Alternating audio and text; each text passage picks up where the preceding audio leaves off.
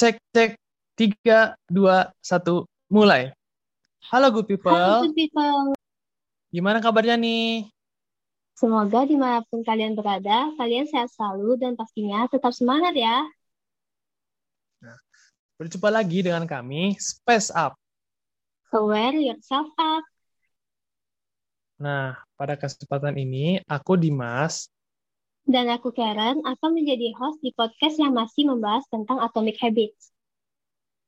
Nah, pada podcast sebelumnya, Hans sama Tina kan udah membahas tentang apa itu Atomic Habits. Kemudian, bagaimana cara untuk membangun kebiasaan baik dan juga menyingkirkan kebiasaan buruk. Nah, kali ini aku sama Karen bakal membahas tentang apa sih hubungan antara kepribadian dan juga kebiasaan. Nah, sebelum itu, James Clear pernah berkata bahwa kepribadian adalah seperangkat karakteristik yang konsisten dari situasi ke situasi, yang artinya kebiasaan kita lah yang akan menentukan kepribadian khusus yang cocok untuk diri kita sendiri. Benar banget teman-teman. Nah, ada juga nih analisis mengenai bakat kepribadian yang dikenal sebagai The Big Five of Habits.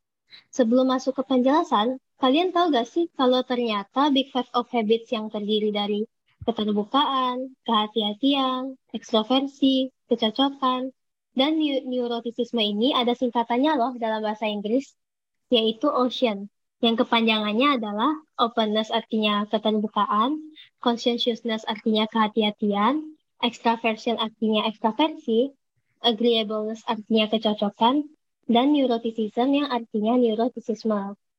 Nah, aku masih bingung nih sama kata ekstroversi. Menurut kamu ekstroversi itu apa sih, Dim? Jadi, ekstroversi itu merupakan suatu sifat di mana orang nyaman ketika berkomunikasi dengan orang lain. Nah, kelebihan dari orang-orang yang ekstroversi atau biasa disebut ekstrovert, ekstrovert ini adalah mereka itu mudah banget buat bersosialisasi, terus senang buat ngobrol, senang nongki-nongki juga, dan biasanya orang ekstrovert itu hidupnya secara berkelompok. Nah, ada juga nih lawannya dari ekstrovert, yaitu introvert. Nah, mereka ini saling berkebalikan. Introvert ini mereka lebih senang untuk sendiri dan juga biasanya tertutup untuk orang lain gitu, Karen. Oh, jadi ekstrovert itu orang yang cenderung lebih terbuka dan mudah bergaul. Sedangkan introvert itu orangnya lebih tertutup, gitu kan ya? Iya, bener banget. Nah, sekarang gantian nih, aku juga masih ada yang bingung. Kalau menurut kamu, neurotisisme itu apa sih?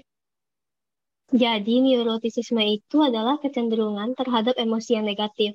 Contohnya kayak marah, cemas, mudah merasa bersalah, dan um, emosi negatif lainnya.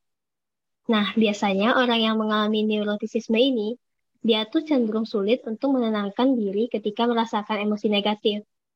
Contohnya, mereka merasa masalah yang sedang mereka hadapi itu gak ada solusinya atau gak ada jalan keluarnya. Dan ternyata neurotik ini ada dampaknya loh ke kehidupan sehari-hari. Misal nih, kita ambil contoh seseorang yang mudah merasa bersalah.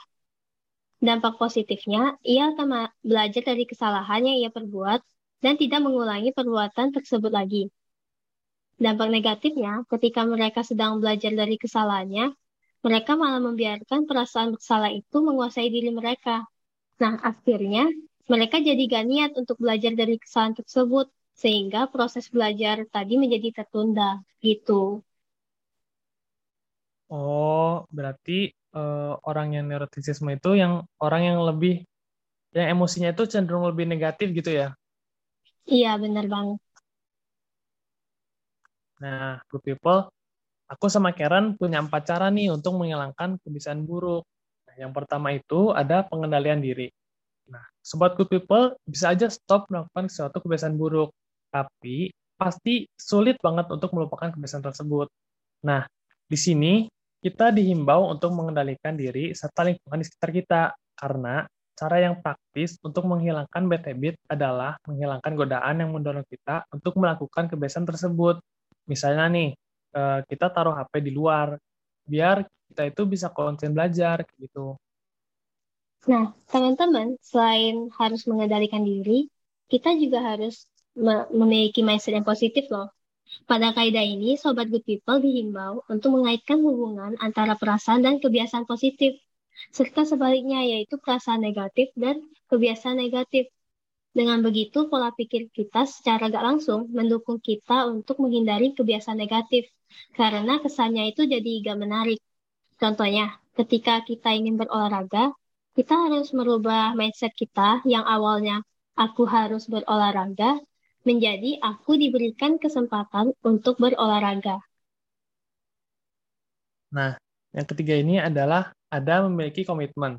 Nah, Sobat Good People harus memiliki komitmen dalam jangka panjang, sehingga bisa mengontrol aksi-aksi yang akan dilakukan di masa depan. Hal ini akan membatasi kita dari peluang untuk menerapkan kebiasaan buruk.